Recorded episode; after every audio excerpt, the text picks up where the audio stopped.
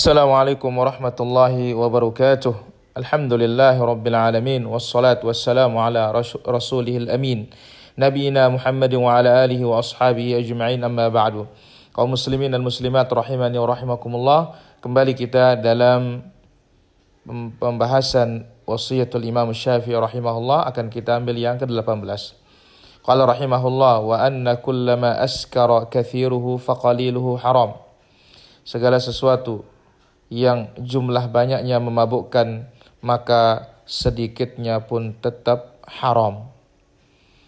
Satu riwayat mengatakan wa anna qalil ma askara kathiruhu khamr. Sedikit ya sesungguhnya yang sedikit apabila banyak memabukkan maka itu khamar. Dan tentu ucapan yang tadi lebih jelas. Hal ini tentunya berdasarkan sabda Rasulullah sallallahu alaihi wasallam dari Ibunda Aisyah radhiyallahu anha. Nabi alaihi wasallam bersabda, "Kullu syarabin askar fahuwa haram." Seluruh minuman yang memabukkan maka itu haram. Muttafaqun alaih. Kemudian dari Jabir radhiyallahu anhu Rasulullah sallallahu alaihi wasallam bersabda, "Ma askara kathiruhu faqaliluhu haram."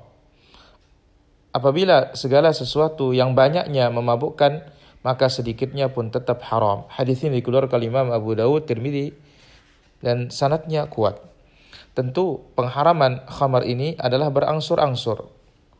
Yang pertama, ini disebutkan oleh Allah Azza wa Jalla ya, di dalam suratul Baqarah. Apa kata Allah Subhanahu wa taala?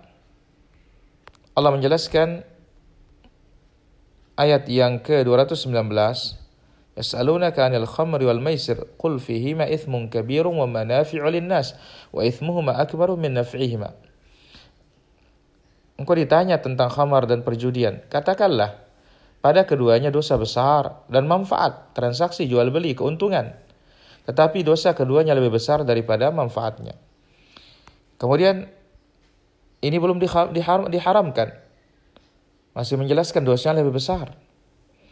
Kemudian berikutnya turun firman Allah Subhanahu wa taala dalam surat An-Nisa ayat 43.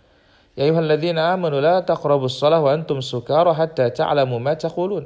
Hai orang-orang beriman, jangan kalian melaksanakan salat, mendekati salat ketika kalian sedang mabuk sampai kalian mengetahui apa yang kalian baca. Kemudian setelah itu turun suratul Maidah ayat yang ke-90.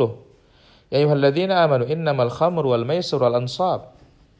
Orang-orang beriman sesungguhnya khamar, perjudian, berhala, mengundi nasib, itu adalah najis, kotor, perbuatan syaitan. Jauhkanlah dia. Dengan turunnya surat Al-Maidah ayat 90 ini, maka jelaslah keharaman khamar tersebut. Wallahu taala ala wa alam. Walhamdulillahi rabbil alamin.